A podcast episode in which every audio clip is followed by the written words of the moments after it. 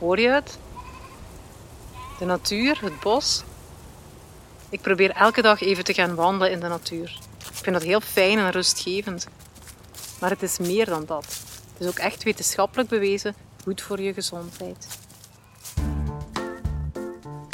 Een boswandeling a day keeps the doctor away. Welkom bij de Universiteit van Vlaanderen podcast. Ik ben Tom de Kok en hier bij me in de studio zit professor Michel Plusquin van de U Hasselt.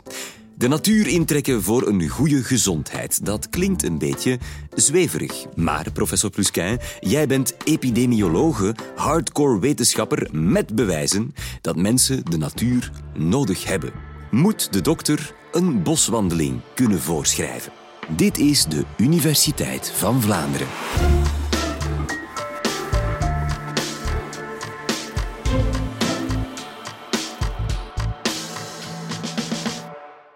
Eigenlijk weten we het wel. De natuur doet ons goed en het is belangrijk. Maar waarom is dat zo? Om de gezondheidsvoordelen van de natuur uit te leggen, wil ik je graag meenemen op een wandeling hier in de buurt, in een natuurgebied. En ik ga de voordelen van de natuur proberen uit te leggen en te duiden aan de hand van een aantal studies.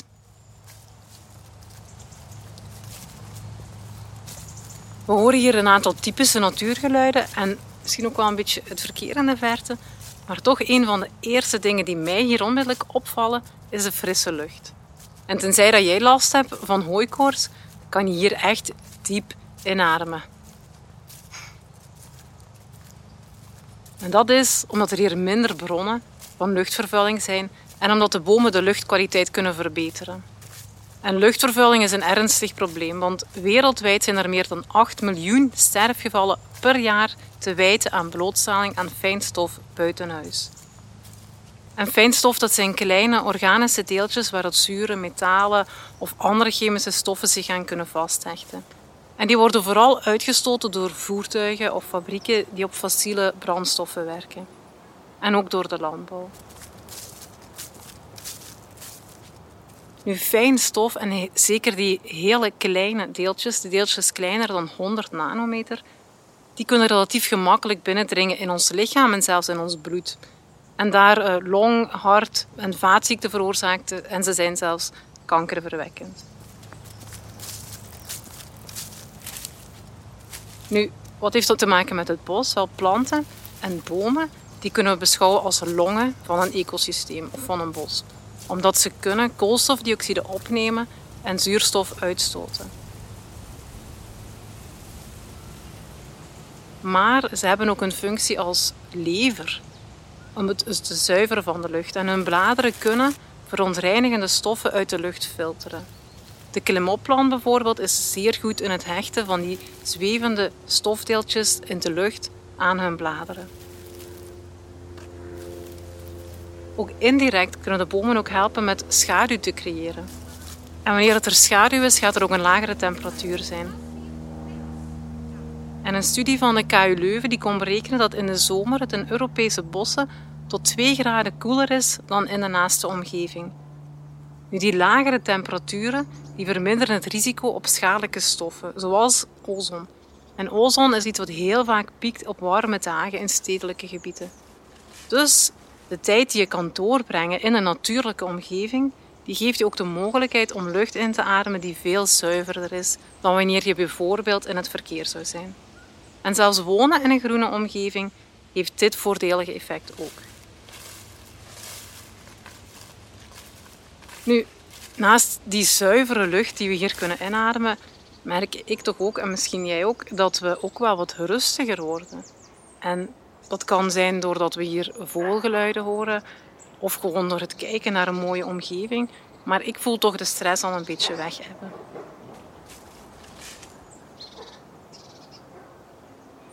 Om te begrijpen waarom dat de natuur goed is voor ons emotioneel welzijn, moeten we rekening mee houden dat wij als mensen het overgrote deel van onze evolutie in de natuur hebben gedaan. En dat heeft als gevolg dat de natuur een aantrekkingskracht heeft op ons als mensen. En we voelen ons meestal onbewust, maar we voelen ons wel verbonden met de natuur. En dat kan je zien in ons dagelijkse leven. We hebben huisdieren, bijvoorbeeld een kat, een hond, een vis, We zetten planten in huis of in onze tuin en die gaan we ook goed verzorgen, want dat vrolijkt ons huis op. En zelfs wanneer iemand ziek is, gaan we die persoon bloemen geven. Dus we zoeken echt wel actief de natuur op. En die positieve invloed heb je misschien al ook wel kunnen merken wanneer je een zware dag had met veel conflicten of wanneer je je down voelde. En dat je na een wandeling of na tijd in de natuur door te brengen die situatie beter kon plaatsen. Dus tijd doorbrengen in de natuur doet iets met onze hersenen. En het kan bijvoorbeeld helpen om onze focus en ons concentratievermogen te verbeteren.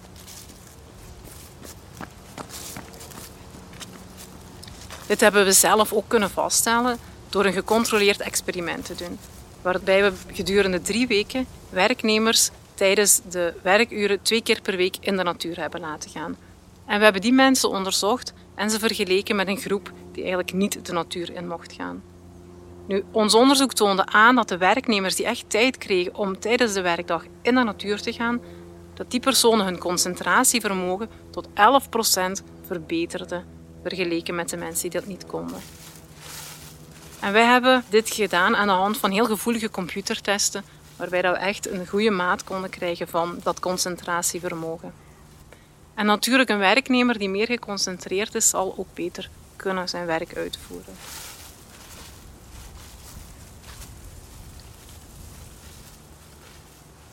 Maar hoe dit mechanisme exact biologisch werkt, ja, daar zijn nog heel wat vraagtekens over. Een stukje van deze puzzel wordt verklaard door een onderzoek naar het effect van een natuurervaring op het rumineren.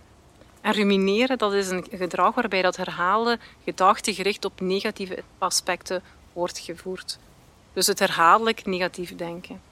En dat is ook een gekende risicofactor of heeft speelt een rol in een aantal mentale aandoeningen. Nu, deelnemers die een wandeling van 90 minuten door een natuurlijke omgeving maakten, die rapporteerden lagere niveaus van rumineren. Dus die hadden minder last van dat negatief denken.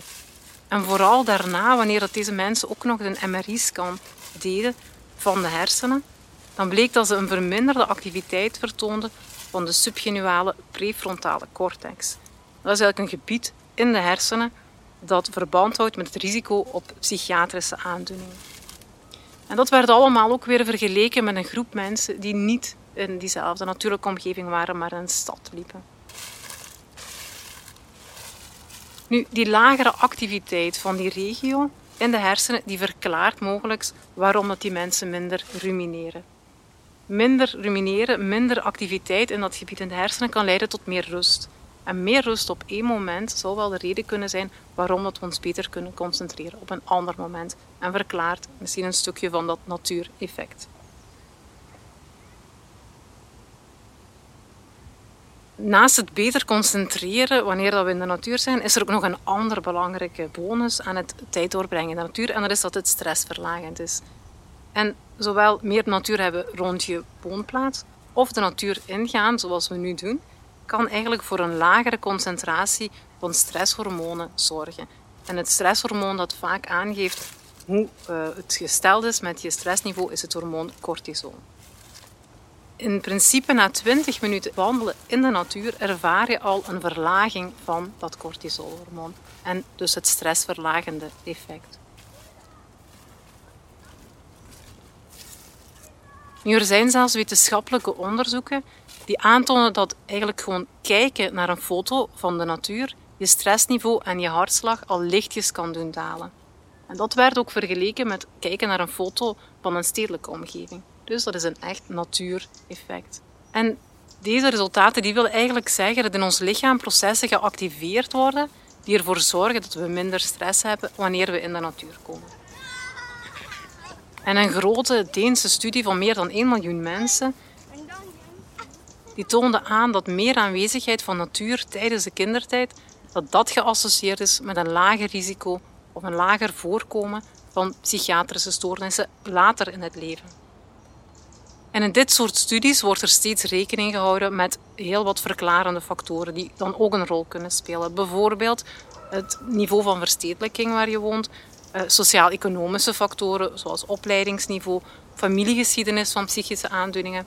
Tussen meer groen bij de kindertijd en minder psychische aandoeningen later in het leven is onafhankelijk van al deze factoren die mee in rekening worden gebracht.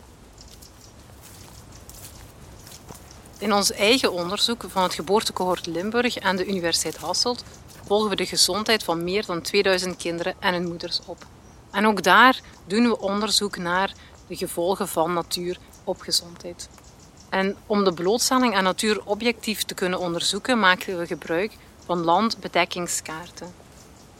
Deze kaarten worden gemaakt op basis van afbeeldingen verzameld door vluchten in de zoo.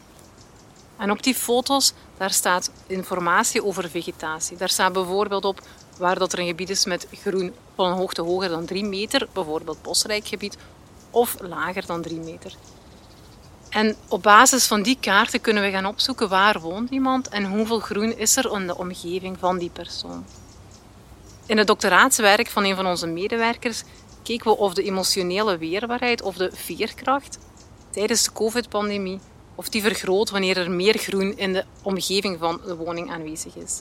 En we vroegen daarom aan de moeders om te beoordelen of ze meer of minder gestrest of bezorgd waren dan voor de COVID-pandemie, dan eigenlijk één jaar daarna. En ook hier hebben we allerlei factoren, hun opleidingsniveau, het verandering in inkomen dat ze mogelijk hadden, stedelijk-landelijk wonen, mentale aandoeningen, zelfs fysieke activiteit, hebben allemaal in rekening gebracht. En dan kunnen we nog zien dat wanneer er meer natuur in de buurt van de woonplaats is, er een positief effect is op veerkracht en dan op het niveau van stress en bezorgdheid bij onze deelnemers. Oké, eh, we zijn nu al even onderweg en hebben al een paar kilometer in de benen. En dat is een van de andere eh, positieve punten van de natuur, want de natuur nodigt uit om te bewegen en om fysieke activiteit te doen. En het nut van fysieke activiteit dat komt ook aan bod in een interessant college van Wim de Raven, waarin hij het heeft over 10.000 stappen zetten per dag. En ja, onvoldoende fysieke activiteit is een belangrijke risicofactor voor ziekte en vroegtijdige sterfte wereldwijd. Het speelt zelfs een belangrijke rol in minstens 6% van de wereldwijde vroegtijdige sterfte. En dat heeft te maken bijvoorbeeld met aandoeningen aan het hart. Maar gelukkig, de natuur nodigt ons uit om te bewegen. En het verhogen van stedelijke natuur kan meer mogelijkheden bieden voor fysieke activiteit. Bijvoorbeeld zullen mensen eerder gaan joggen als er nabijgelegen wandelroutes zijn in mooie natuurlijke parken. En ze gaan misschien ook eerder fietsen wanneer dat er op de route naar het werk meer bomen staan. Tijdens deze wandeling zijn we al enkele mensen gepasseerd. En het sociale contact dat vergroot enorm wanneer we in een natuurgebied of in een bos of in een park gaan wandelen. En helaas, eenzaamheid, dat is toch nog altijd een deel van onze maatschappij en dat leidt tot depressies en soms zelfs tot vroegtijdig overlijden. Nu, op zich is er nog maar weinig empirisch onderzoek gedaan naar de link tussen natuurlijke omgeving en eenzaamheid en er is nog veel ruimte voor verbetering. Maar wat ik je wel wil meegeven is een Australisch onderzoek dat is gaan onderzoeken wanneer dat er een stedelijke vergroening is van 30% En 30% dat is een doelstelling die heel wat steden zich hebben aan, vastgebonden, bijvoorbeeld Barcelona. Nu, wanneer dat die 30% verstedelijking gehaald kan worden, dan zou de kans op eenzaamheid met 26% onder volwassenen kunnen verminderen. En wanneer dat we kijken naar mensen die alleen wonen, dan zou dat zelfs tot 52% van de eenzaamheid kunnen verminderen.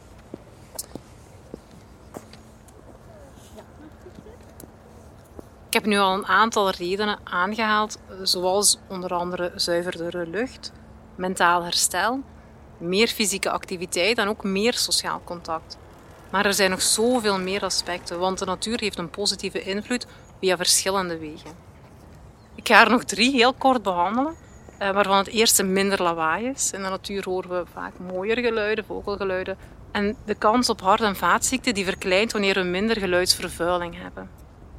Een tweede is het moeten reguleren van je temperatuur, doordat we ons eigen lichaam moeten gaan opwarmen, vooral als het wat kouder is. Ja, dat is eigenlijk gezond voor ons gestel. En een derde puntje is dat ook meer blootstelling aan micro-organismen in de natuur. Iets wat eigenlijk op het eerste zicht voor een heel aantal mensen misschien niet zo positief zal lijken, maar meer blootgesteld worden aan diverse micro-organismen kan ons immuunsysteem gaan trainen, zodat het klaar is om te vechten wanneer er ziekteverwekkende organismen op ons afkomen. Ben je mee? Ja? Dit speelt vooral een rol bij kinderen. Er worden bijvoorbeeld minder allergieën teruggevonden in kinderen die op boerderijen opgroeien. Het in contact komen met micro-organismen, dieren en biodiversiteit vroeg in het leven zou hen kunnen beschermen tegen het ontstaan van allergieën of auto-immuunziektes. Nu in Europa leeft 75% van de populatie in een stedelijk gebied. En de Wereldgezondheidsorganisatie die raadt aan om minstens een halve hectare groen bereikbaar te hebben op 300 meter afstand van de woningen, net zoals we hier hebben. En wanneer dit mogelijk zou zijn, zou er een daling van 2,3% kunnen zijn van de sterftecijfers wereldwijd.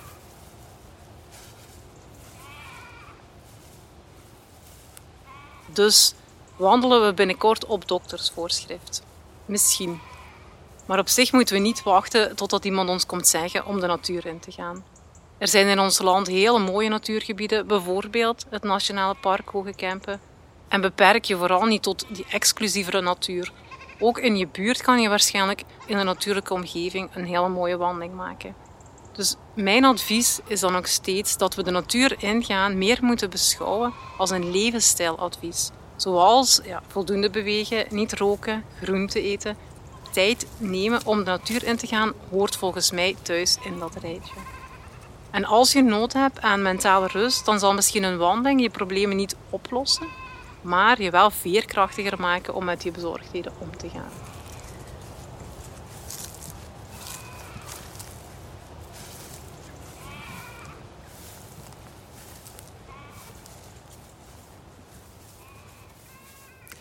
Dankjewel, professor, voor deze deugdoende wandeling. Uh, ik, ik vroeg me af, um, ja, een halve hectare groen op 300 meter van een woning, maar vanaf wanneer is natuur natuur? We hebben groene stroken in steden, we hebben uh, mooi aangelegde bermen, parken, bossen. Moet het een regenwoud zijn? Vanaf wanneer heeft het een gunstig effect op mij?